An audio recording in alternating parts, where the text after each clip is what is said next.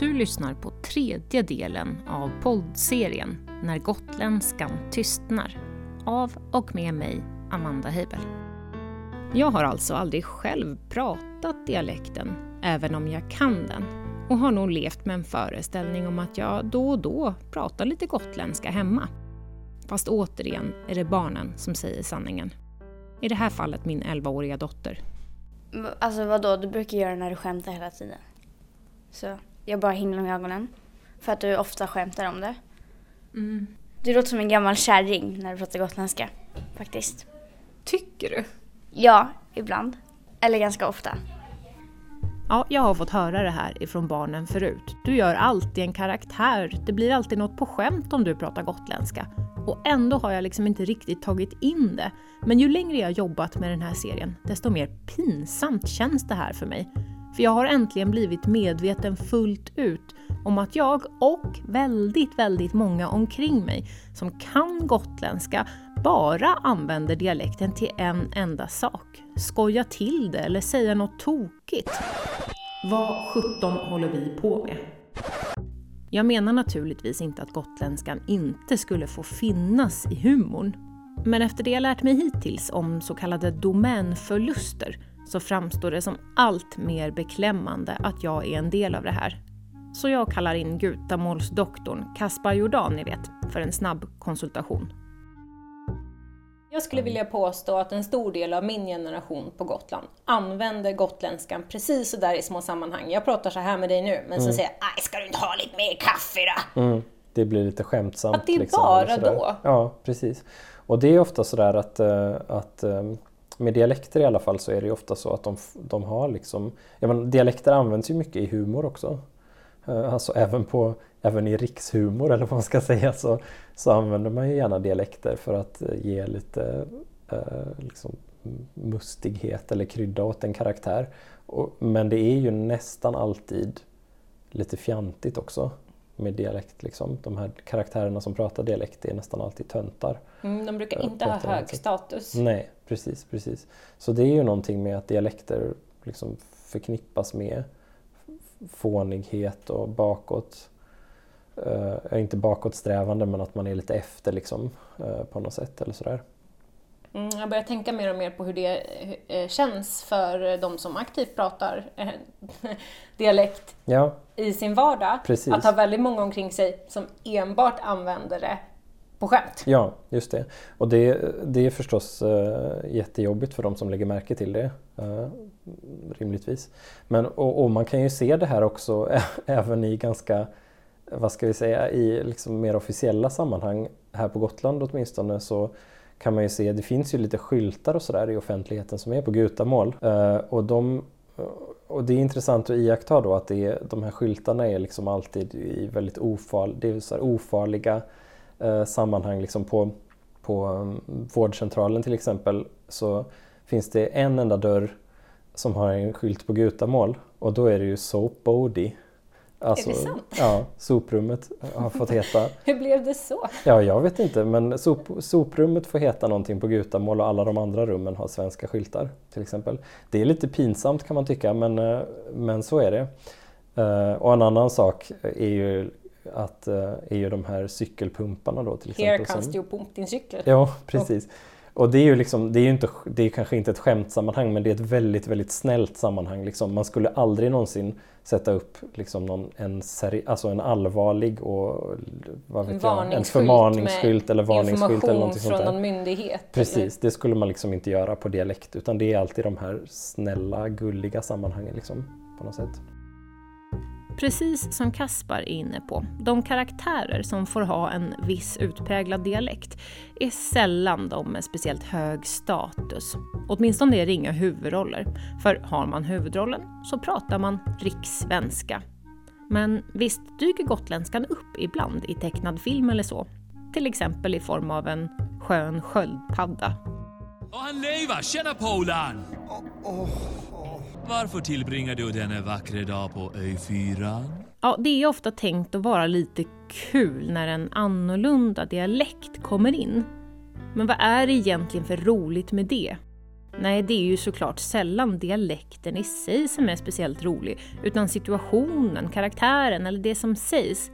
Jag börjar undra om vi är så vana vid att en tokig karaktär ska ha en viss dialekt, att vi omedvetet tänker att det blir kul bara för att vi lägger till en viss dialekt. Och att det här hänger ihop med vår vana att själva slänga oss med någon särskild dialekt när vi ska säga något lite lustigt eller till och med förlöjligande. Jag vet ju att det aldrig har varit illa ment från min sida, men jag skäms över hur oreflekterat jag har använt den enda dialekt jag verkligen kan vid sidan om rikssvenskan. Efter att jag på allvar blev medveten om hur jag själv håller på och hur många vi är som använder gotländskan så här, så har jag bestämt mig för att säga tack och hej till det beteendet. Nu har mamma ett helt nytt sätt att skämta på. Sluta, det är inte ens roligt. Inte heller i traditionella medier brukar man höra speciellt mycket gotländska. För det finns ytterst få profiler som sprider dialekten. Men en av dem är Jörgen Lötgård, komiker och programledarprofil på Sveriges Radio man är växt upp med det och alla gamla på gården. Jag är uppväxt på bondgård och så har man ju haft den där liksom grova gotländskan. Hur låter det? Ja, men det, ja, det är mycket man pratar ganska högt. För det är mycket, det är mycket maskiner vet jag, som eh, väsnes och brakar omkring en. Så, så att det, den där liksom tongången har alltid funnits med en så här. Även när maskinerna slås av? Mm.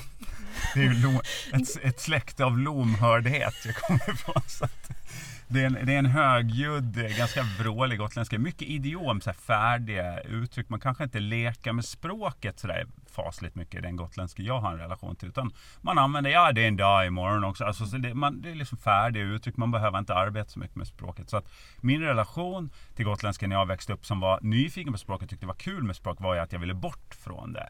Alltså att det representerade någonting för soffet, någonting för stenet och gammeldags liksom. Eh, och det är först när jag kom därifrån och kan se tillbaka som jag jag vet inte om du har hört den här podden Kalla fall, när man gräver i Sven Sjögren försvinnandet. Det gjordes också en SVT-dokumentär. De karaktärerna som är med där, alltså jag älskar dem. Man vill ju ändå bli dem på något sätt. Den, den gamla formen av ja, idiomupprapande högljudd gotlänning. Liksom. Men då har det skett ett skifte där någonstans. Från Ja. att du kunde uppleva under uppväxten, vilket jag tror ganska många kan relatera till, att man någonstans vill bort från, för Ja. det representerar någonting på ens lilla ort. Liksom. När vände det där för dig? Jag tror det där, är- det där gräset är grönare upplevelsen. Alltså så fort man inte har det runt sig och kan irritera sig på det så, så vill man tillbaks på något sätt. Och det, det gäller min relation till Gotland generellt. Att jag, jag vill typ flytta till Gotland nu bara för att jag inte bor där. Jag, Välkommen. Tackar. det är ju en älskvärd plats och sådär och jag längtar hela tiden till Gotland. Men det är nog mycket att det är ett, ett tjockt staket däremellan också såklart. Eh, Så jag vet inte om det någonsin kommer att ske. Men du stack ju liksom ifrån Gotland ganska snabbt efter, efter gymnasiet någonstans. Jag hade väl precis ryckt av mig studentmössan. Mm, knappt med Ja. mössan i hand, Ja. rakt på färjan Mm. och iväg till Lund. Först till Lund och sen till Kalix och sen Stockholm. Så att jag, har, jag har sett Sverige kan man säga. Nice. vad härligt. Men vad, hur minns du liksom att du, för då måste du ju ha haft en viss dialekt med dig ändå som, Mm. som så här ung utflugen gotlänning som måste ha blivit, föreställer jag mig, bemött som gotlänning eller tolkad som gotlänning Mm. liksom på grund av dialekten. Det där tror jag man kommer ihåg. Jag menar, var vi 60 000 liksom på Gotland. Eh, alla har mött på reaktionen på gotländska. Jag fick ju möta på den redan under gymnasiet. För jag gick en gymnasieutbildning som var en av de få med så riksintag på den tiden. Så vi var liksom Det gjorde tre- jag med! Ja, rörliga bildens Ah. språk. Ja, som var liksom en filmutbildning och hela Sverige var välkommet. Vi var väl två eller tre var vi väl, två med dialekt i klassen. Så att, att bli bemött för sin dialekt det skedde liksom under hela, hela gymnasietiden också. Mm.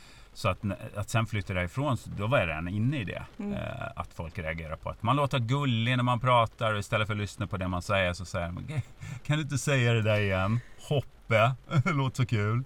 Så hela tiden. Hur har du eh, stått ut med det?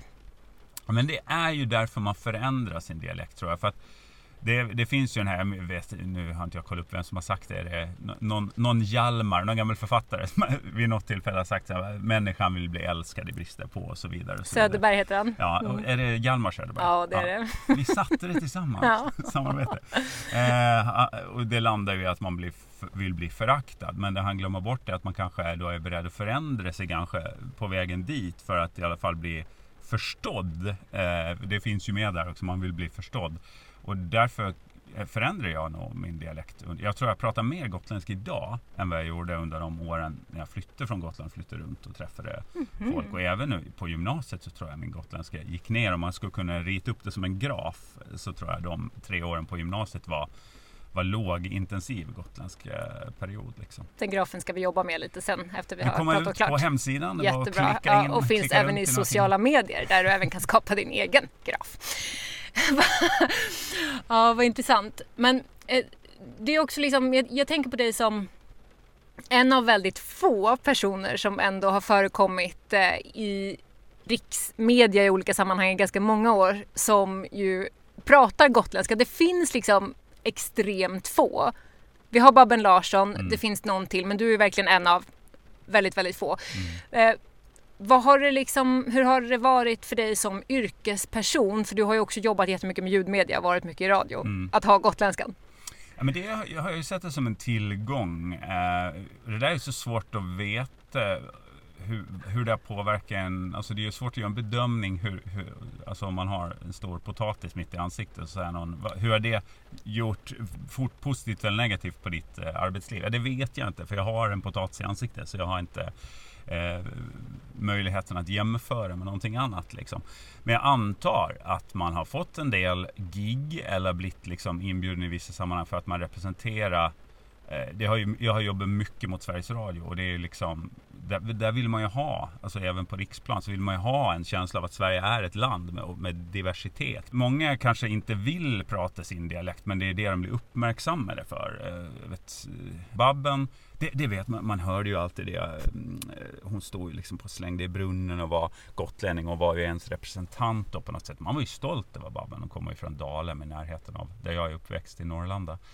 Så Babben var ju liksom ens gotländske ankare ute i media. Ja, men jag tänkte fråga dig apropå förebilder någonstans. Babben var ju, pratade ju en gotländska som var, man som gotlänning tyckte man så här, men gud hon överdriver lite och sådär. sen när jag kom till Stockholm så började man höra de här ryktena om att ja, men Babben hon pratar inte alls sådär utan när, hon, när kameran är avstängd då pratar hon stockholmska. Och då blev man så nej, alltså som gotlänning så hatar man sellouts och liksom jag som är uppvuxen på 90-talet, det ska vara indie, det ska vara äkta och sådär va. Eh, så att jag blev ganska sur över det. Jaha, hon, det är en act. Hon, hon approprierar min kultur för att liksom kunna göra sig känd på något sätt. Sen har jag förstått det att det är ju liksom, eh, jag har ju blivit likadan själv. Alltså man slår ju på någon slags show, alltså när micken åker på, när, när kameran slås på. Ja då är det ju, och hon har ju hållit på med stand-up i alla år. Det är showman-kepsen som åker på. Då åker dialekten också på. Hon har ju bott i Stockholm otroligt många år. Det är klart hon precis som jag, bara vill bli förstådd. Hon vill inte höra vad gulligt det låter när du pratar. Eh, så att det är något man slår på och använder sig av. Så det, på det sättet har väl Babben varit, fortsatt vara en inspiration att förstå sig själv, förlåta sig själv att man slår på av dialekten eh, hela tiden. Men när det kommer till dialekt... Men du sitter alltså nu och säger att din dialekt förändras när ja. Eh, radioregeln åker ner liksom om mickarna inte är på? Jag tror det, för det, det är också det där att precis som i Babbens fall tror jag det där sker undermedvetet. Jag tror inte att man liksom vet om det själv, för det, hade, det är väl det som upplevs som deceiving och lite lurande på något sätt att man skulle göra det medvetet. Utan det där sker nog bara som en switch i bakhuvudet. När jag började göra radio, så, ja varför pratar du inte som du gör egentligen? Mm. För att det blir ju något, har du en mick i ansiktet, har en kamera närvarande. Mm. Alla människor beter sig annorlunda. Ja, ja, ja. Det är därför Paradise Hotel är som det är. Liksom. Det, det, det, det, går inte att undvika det. Nej, nej, precis. Men vilken betydelse har då kändisar och idoler för vår benägenhet att tala en viss dialekt? Jag vänder mig åter till språkforskaren Jenny Nilsson i Göteborg alltså hur, hur mycket en känd person, det är en, en, spännande fråga. Jag vet inte riktigt. Jag tror ingen riktigt vet hur mycket kändisar spelar in. Men jag tror att funnes det en massa jättekända och populära gotlänningar som använde vissa typiska eh, gotländska drag så är det klart att det kunde, alltså de skulle ju hjälpa till att sprida gotländskan såklart. Men om det är det att det inte finns några sådana kända som bidrar till att dialekten utjämnas, det tror jag kanske inte egentligen. Ja, jag får ungefär samma svar överallt. Det är ingen som riktigt vet det här exakt.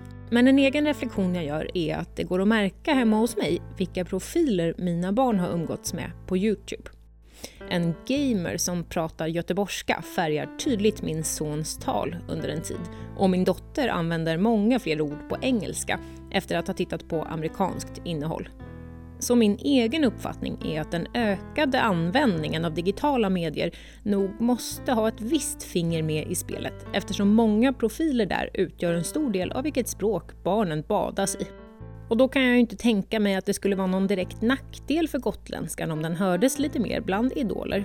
Och lustigt nog vågar jag påstå att vi just nu har ovanligt många framgångsrika gotlänningar i offentligheten. De spelar huvudroller i populära tv-serier, står på landets främsta musik och teaterscener, sommarpratar och gör vida spridd journalistik och underhållning. Men det är nog få som vet om det här, för med undantag för något enstaka fall så pratar de i stort sett ingen gotländska. Jag tror att om vi bara för en dag kunde knäppa med fingrarna så att uppväxtorten plötsligt skulle höras i de här personernas tal, så skulle vi nog uppfatta saken på ett lite annat sätt. När du hör den här signalen, då vet du att det är ett sponsrat meddelande på gång. Det här avsnittet görs i samarbete med Mel's Diner. Jag är väl kanske inget jättestort fan av de här gigantiskt stora snabbmatskedjorna och därför är jag så otroligt glad att man här på Gotland kan gå till Mel's Diner istället. Mel's som jag först upptäckte på Skarphäll i Visby men som numera också har en restaurang nere på Visby hamn. Det är alltså en diner i äkta amerikansk stil med inspiration från 50 och 60-talet. Dels så har Mells de absolut godaste burgarna. De gör egna burgare varje dag från grunden. Och sen är det verkligen en eh, sån otrolig upplevelse varje gång man kommer in på Mells. För det är precis som att man öppnar dörren och så kliver man rakt in i en annan tid där det är Elvis Presley och Marilyn Monroe och neonskyltar och hela faderullan. Och det här är ett koncept som jag skulle säga funkar för alla åldrar. Jag har gått flera gånger på Mells med både mina barn och, och mina föräldrar och det blir alltid succé. Inte minst så gillar mina barn barn Mels supergoda milkshakes. Jag tycker också att Mel ska ha en eloge för att verkligen över tid vara väldigt prisvärt och ännu mer prisvärt blir det för dig som lyssnar på den här podden därför att med koden gotländska 20 så får du 20% rabatt på ditt nästa köp hos Mells. Och det här gäller en hel månad från det att det här avsnittet släpps. Alltså till och med 22 februari 2023. Gotländska 20, koden gäller alltså både över disk, det är bara att komma dit och säga gotländska 20, jag har lyssnat på podden, jag vill ha rabatt. Det gäller också vid beställning online. Tusen tack Mel's Diner! När jag växte upp i Östergarn på östra Gotland hade jag nog uppfattningen att gotländska lät ungefär som den lät i min socken. Jag tror inte jag hade någon som helst koll på att det finns många lokala variationer av gotländska, även om de blir allt färre. Jag tänker inte minst på det särpräglade Fårömålet, fåröskan, som bara ett fåtal individer verkar behärska idag. Jag tar färjan över sundet för att besöka en av dem, Vendela Engström. Lite spinnande katt på band också. Ja. Ska du äta den? Jag tror inte det. Det blir det är väl inget gott? Jag äter allting, så mm, jag, äter Mattes garn och jag äter Mattes stickor. Och, jag kan tro det. Ja, då. Hur, prat, hur, kan säga, menar, hur var det med, med dagligt tal på Fårö när du växte upp? Ja, det var fåröska ju. Det var ju fåröska i skolan. Alltså vi hade ju svenska, men vi pratade ju inte svenska. Vi pratade ju fårö, fårömål. Det gjorde vi. Men hur, hur skulle du beskriva eh, fåröska på fåröska? Kan du förklara det, hur det låter och, och vad som är säreget? Ja, vad som är säreget här det, det är ju att eh, allting är hårt. Det är hårda K, det är inga skeljud, det är aka till körka och vi koira. Eh, och det gär inte något. Det är liksom eftertryck och tungt, alltså liksom beslutsamt mål. Mm. Det är inte den här melodin som går uppåt och neråt Nej, hela tiden? nej, Nej. nej, nej, det är- det är inte som i stan, nej. Att man, man glider. Man, här glider man inte. Det är sä, orden är särade så. Svårt, svårt att förklara.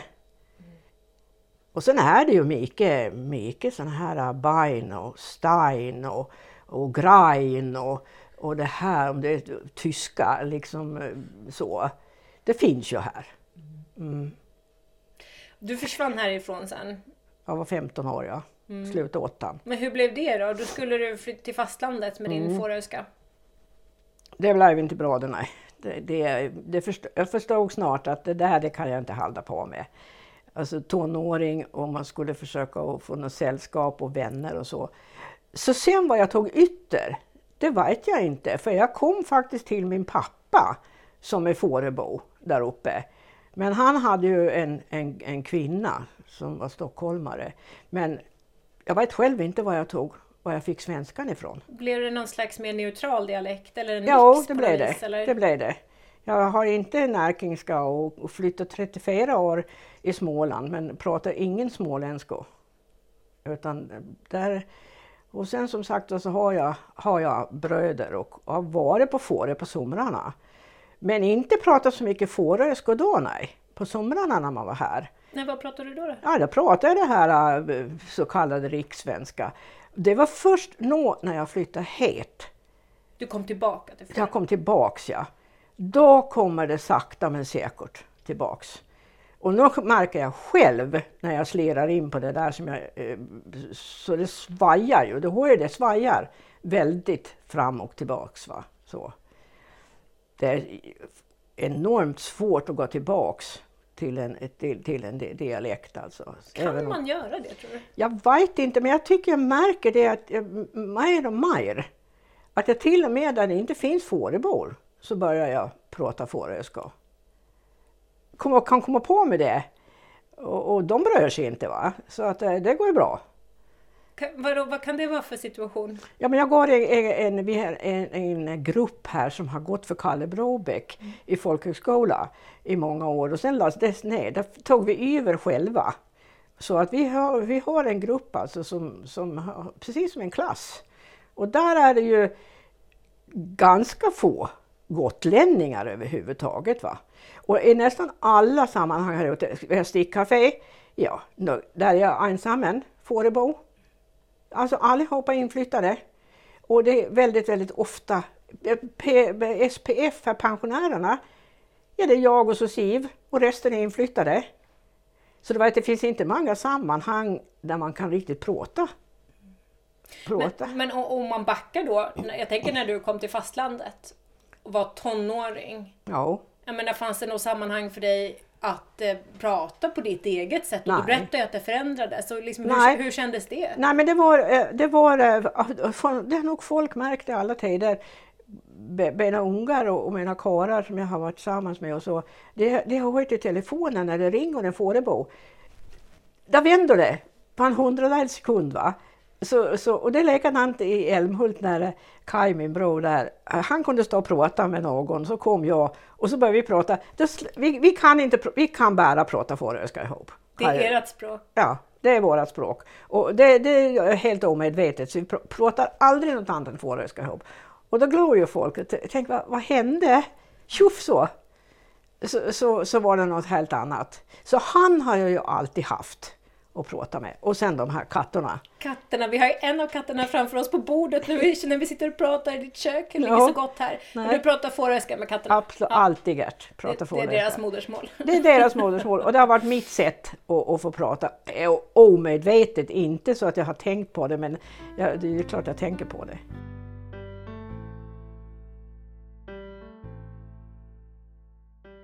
När jag var liten och folk kom hit, då var det så att då pratade folk fint.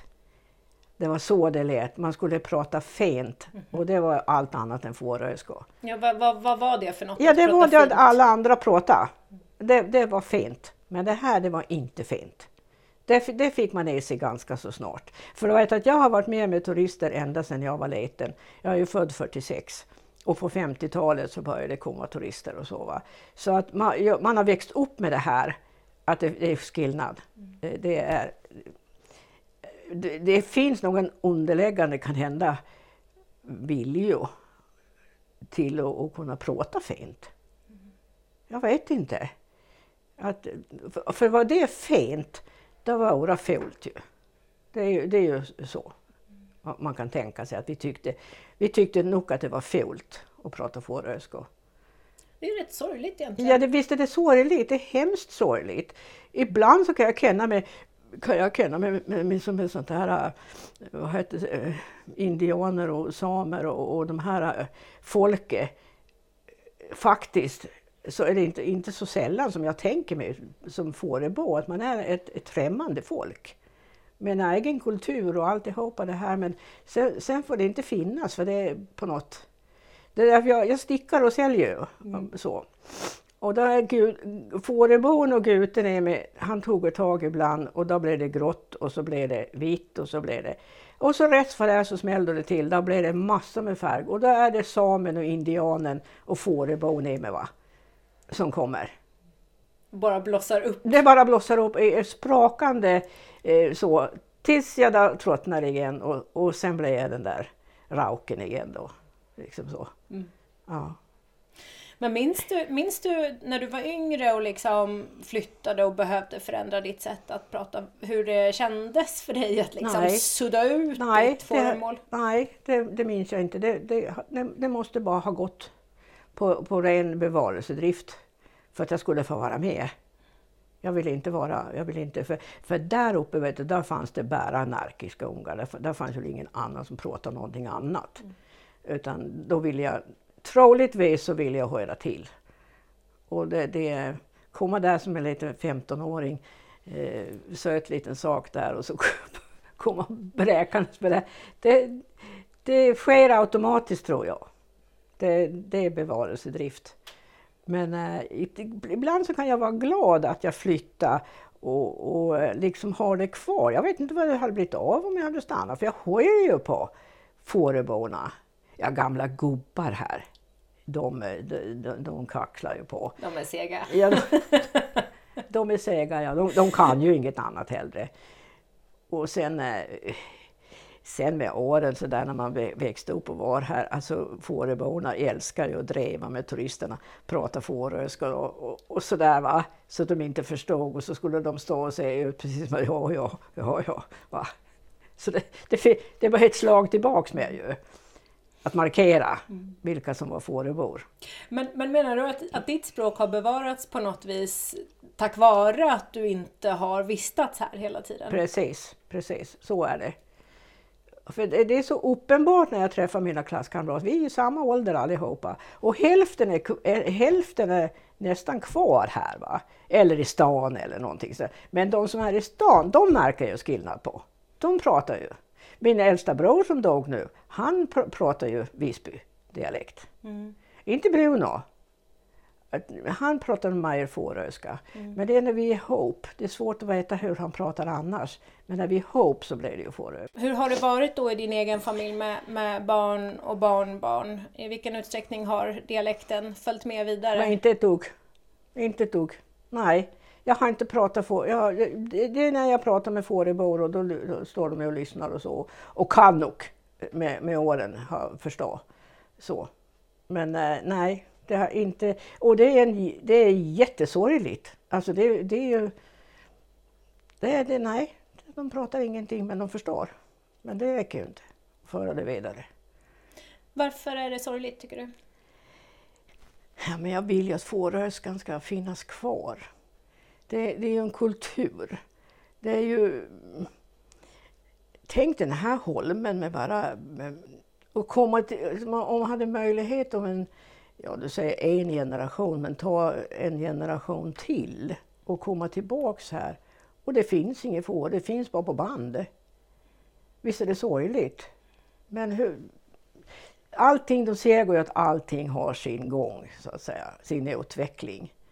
Och det är väl det här uppblandade som blir mer och mer och mer och mer, och mer uppblandat. Det, det, är, det.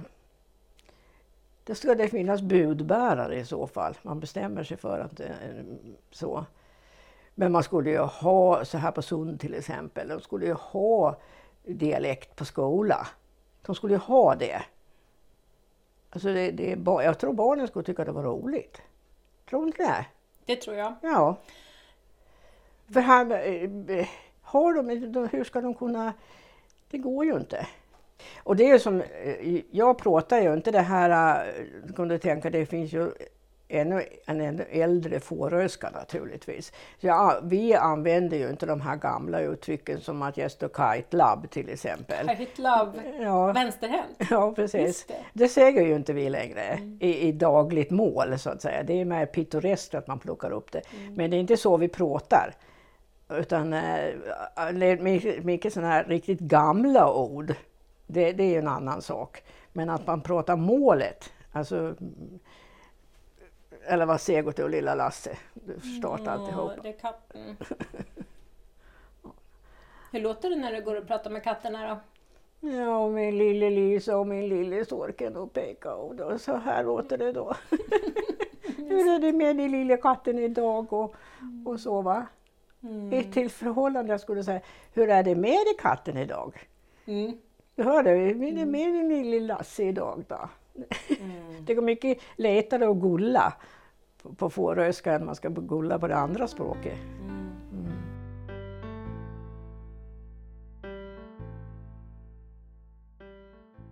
Visst är det intressant att tänka på det här som du beskrev med turismen som du är uppvuxen med. Mm. Man skulle kunna föreställa sig att det skulle ha den här statusen i sättet att tala skulle ha kunnat vara motsatt med tanke på att det har varit attraktivt att komma mm. hit, man vill ha sommarhus och så vidare. Egentligen är det ganska märkligt. Ja. Det kunde ju varit så att, att det var så att stockholmare eller vem som helst kommer och vill till varje pris tala på det där sättet ja. som man gör på den här attraktiva platsen precis. där man vill vistas. Men det finns liksom ett konstigt motsatt förhållande i det precis, där. Precis, precis. Va? Det, det, nej, det, nej det, de, de, jag tror det är mycket så att de vill att det, är vi som ska vara lite pittoreska. Det, är oss de, det är så. Och, och, eh, jag tror inte det finns något folk som vill vara pittoreska. Jag, jag tror inte det, det... Eh, och sen att turisterna att de har tagit över så mycket här. Va? Det, det, det, det trycker ut det fåröska. Det, det, det, med sakta men säkert så trycks det bort liksom. Jag har jobbat, hela mitt liv har jag jobbat med människor, jag har jobbat i vården, jag har jobbat i skola, jag har jobbat med elever, med teater, jag har jobbat med, mm. med allt. Och sen gick jag i pension och träffade Olle här och, och eh, fick möjligheter att, att komma tillbaks. Och då började jag med, min pappa konstnär. Och det, alltså, bara det, när jag växte upp bland alla de här bönderna och fiskarna och det här och att han var konstnär. Vi var väldigt utsatta. Alltså, så, va? Hur då? För annorlunda fårebarn, de tolererar inte. De tolererar inte turisterna heller egentligen. Det, det, I grund och botten så, så är det ingen fårebo som vill ha de här människorna här överhuvudtaget. Va? Och det ville man inte med pappa heller, va? för att det, det blev för annorlunda. Men konstnärer har vi blivit allihopa. Alla fyra har, har fört ådrorna vidare. Jag med att sticka och, och bröderna, ja, du ska säga in i det konst så det smäller om det. Så redan även bland Fåröborna så var vi utanför. Alltså så. Men det har ingenting med språket att göra. Nej, men... fast, fast i ditt fall blir det ju ett slags dubbelt utanförskap ja, ja, precis, då, på ett vis. Precis. Men hade du vänner, kamrater? Ja, ja, ja, ja. Det, det hade jag. Ja, Vendela växte upp med Fårömålet på Fårö. Men när hennes pappa pappa plötsligt försvann till fastlandet och hennes mamma kämpade med sin psykiska hälsa fick hon och syskonen bo hos mormor ända tills pappan hämtade Vendela med sig till fastlandet i tonåren. Det är en på många sätt tung historia hon berättar och det dröjde många år innan möjligheten dök upp för Vendela att flytta tillbaka till Fårö igen och därmed också landa i sin ursprungliga dialekt.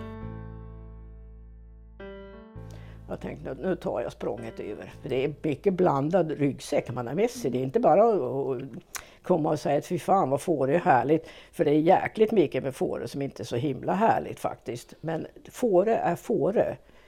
Och så med, med tiden nu så har jag ju smält in här i känslan av att vara hemma. Så jag brukar föreställa mig de här som kommer ner från Syrien och de kommer från alla länder. Den här längtan hem alltså.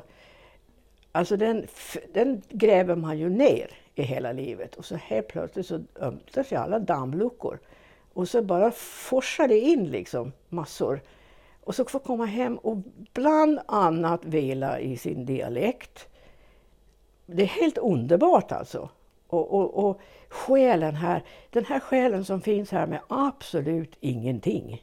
Och så har vi stuga där som vi hyr ut på, på sommaren. Där kommer det åtta lekar, och, och hundar och stockholmare. Så då får man sin dust av det. Eh, så. Men eh, annars så, som det är nu, nu trivs jag som allra bäst. Alltså. Tyst och svart och mörkt och lugnt. Och så har man ett stick kafé och så har man lite sånt där, man sitter och pratar lite skit och, och håller ordning på granngardarna. Mm. Det, alltså det lilla livet, det absolut minsta livet man kan få tag i, det är det bästa. Ett stort företag åker till stan bara. Förstår det. Men det, vi gör det ganska ofta mm. ändå. Mm. Så, va? Men äh, ja, det är helt fantastiskt. Vad fint att du kom tillbaka. Ja, det, jag skulle, i princip så skulle jag kunna bo var som helst egentligen. För mig tar jag inte ut av, mm. av Fårö. Det är mer en, en grundkänsla, ja. en frid. Mm. Men jag har aldrig längtat hit under alla år. Det kom liksom ja, tillsammans möjligheten med er? Kom. Ja. ja. Aldrig, jag, jag älskar att bo i Älmhult. Barnen växte upp i Älmhult. Anna är adopterad från Sri Lanka. Och, och, världens bästa skolor, världens bästa dagis och så. Jag skulle inte ha velat haft de här. Mm. Och jag skulle inte vilja ha blivit kvar på Fårö. Mm. Jag brukar säga att det är det bästa pappagärde, mm. det att ta mig härifrån. Hur skulle jag, jag, jag är ju släkt med alla. Hur skulle jag hitta någon att mm. leva med? Hur skulle jag kunna växa överhuvudtaget? Jag har ju varit med i precis allting. Jag har varit med i kvinnojourer och jag har jobbat med kvinnofrågor så in i helvete och politiskt. Jag skulle aldrig kunna göra här. Mm. Nej, jag förstår så det. Livet har blivit du fick en annan frihet på ett sätt men det Absolut. var ju samtidigt ett högt pris måste det ju ja. varit. Som barn måste det ju varit jättetufft. Ja, ja, liksom. Det kan man ju bara försöka föreställa sig.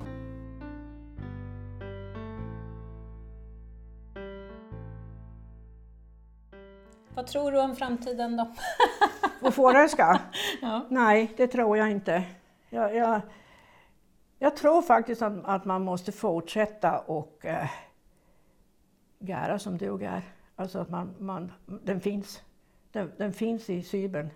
Jag tror det. Att det, att det blir det viktigaste. Om man ska ha ett intresse för att ha det kvar så går det inte annat än att det är som du säger ju. Vad ska man börja, börja här på skolan och prata fåröska? För det första finns det ingen skola på Fårö. Då ska man prata det på Sunde. Och där pratar de ju inte fåröska. Nej, vad pratar de där? De, de pratar som ni gör i stan. Ja. Det, det, det, de pratar gotländska. Så det är bara Sunde Milla här. Så, det, det är, så, så, så känsligt är det ju. Att det är liksom inte, du kan inte leta upp den på Gotland, fåröskan. Utan det är så, så letigt är det alltså. Känner du dig som en av de allra sista, sista. överlevarna ja. på något sätt? Ja, det gör jag. Det förstår jag. Att det, nu är vi 75-76 år med mina klasskamrater och så är det, är det lite som är äldre. Men sen, nej, jag tror inte det. Tyvärr så är det... Ja. Men du är rätt unik då, Vendela?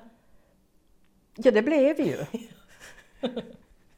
vi, vi blev de där pittoreska sakerna som, som, som de här som kommer hit som, de, som, som är så fantastiskt. Mm. Och så är det ändå så klämmer de ut oss. Liksom så va. Så det, det, det har det här, jag, jag, jag har alltid haft en känsla av att jag tillhör ett minoritetsfolk. Det är därför jag har det här med, med samer och indier. För när jag var liten då ville jag bli indian. Mm. Och sen när, när man talade om för mig att det kunde jag inte bli. Och så växte jag några år till och så fick jag höra talas om samer. Och, och, jag kunde inte bli det heller ju. Men jag förstod att jag är ju redan ett minoritetsfolk. Faktiskt. Inte som, inte som Gute. Att det, är ju så med att Fåröborna har ju ett särskilt förhållande till gutarna. Det är inte så enkelt. Alltså, det är inte helt så. Utan det, det är ett utanförskap även mot Gotland i grund och botten. Man kämpar kampen mot Fårösundarna ju i skolan, i idrottstävlingar och sånt. Så skulle man till varje pris slå Fårösundarna. Eh, så, så att, eh, Gjorde ni det då? nej. Det är inte bara mötet med Vendela som påminner mig om vikten av att få tala som man en gång talat. Jag möter det överallt. Äldre gotlänningar som hittat sitt eget sätt att hålla sin uppväxtdialekt vid liv, även när den alltmer har försvunnit från omgivningen. På Hemse äldreboende får jag en pratstund med Lasse Larsson från Habblingbo, som länge känt en slags sorg i att både gotländskan och gutamålet verkar försvinna bort. Ja, det har jag ju sagt hela tiden kan man inte hålla med och säga någonting som är vara gött hela tiden, då, då, då börjar det rinna bort. Det är ju bara så. Lasse har både jobbat och studerat på många olika orter på fastlandet genom livet. Hemma på Gotland förlovade han sig med Alice från Dalhem. Vi har tre döttrar och naturligtvis tre mågar och nio barnbarn. Och hur mycket barnbarnsbarn, det, det vet jag inte nu, men det har blivit lite gott om nu. Det finns lite förstås här. Och åren har gått. Ja, jag har fyllt 92, så det är, eh, ja, jag kämpar. Jag har kusiner som varit över 100 år, så det är, eh, det är lite äldre.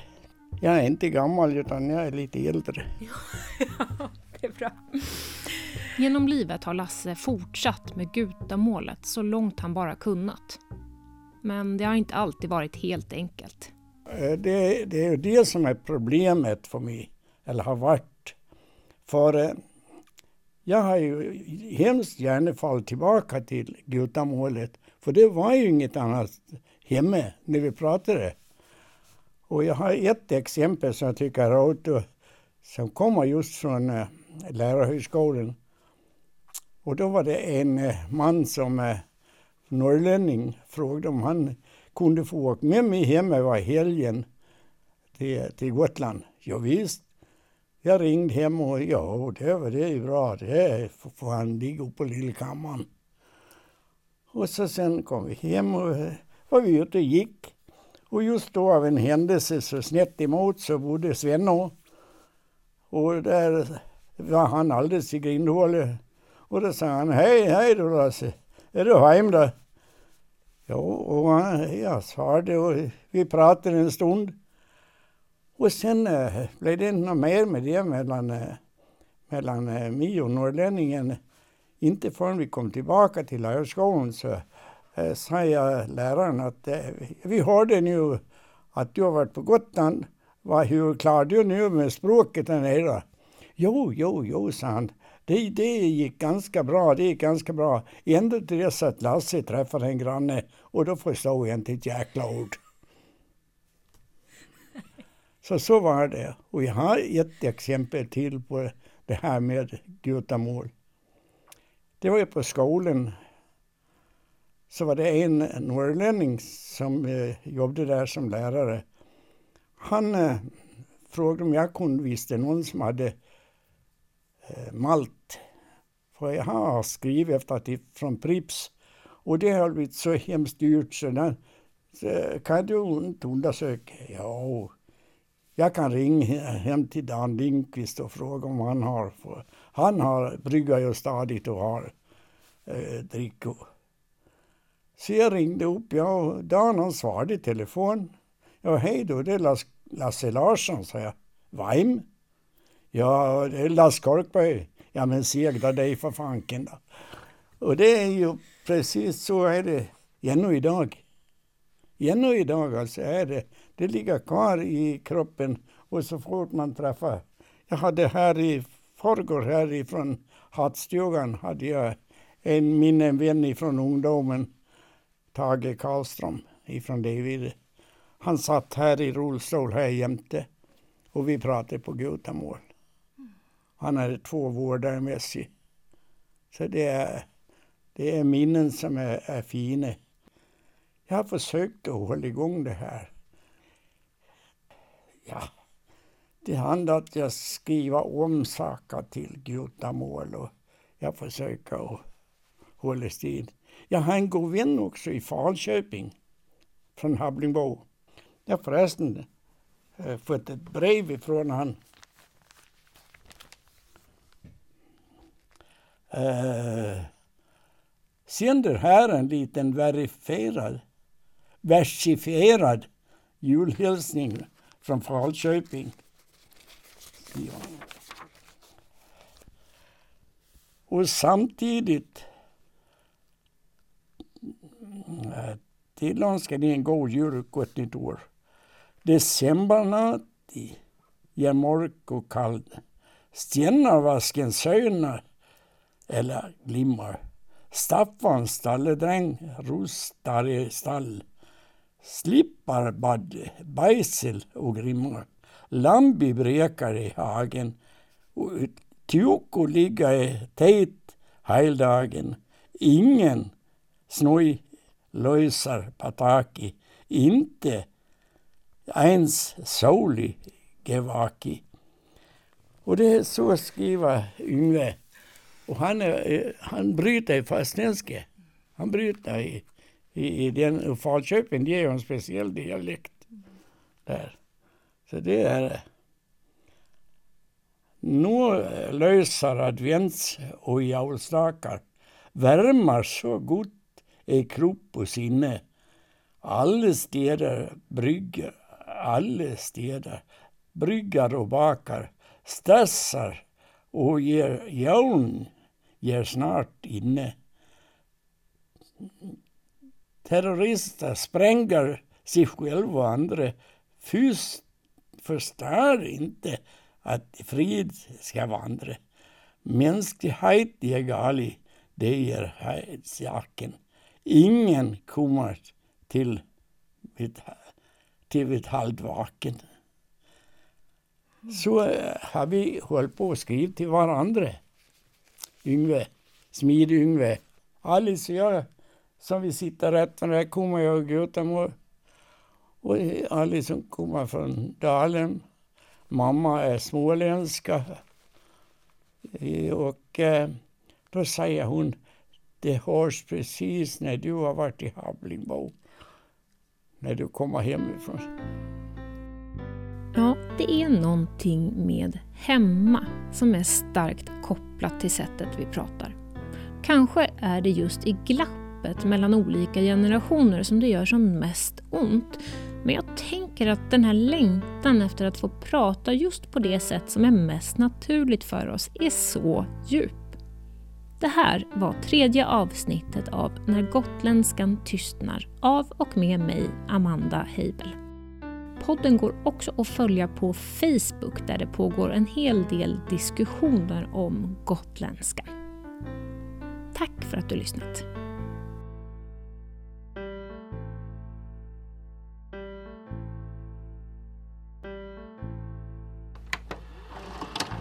Du har lyssnat på en produktion från Moxie Media.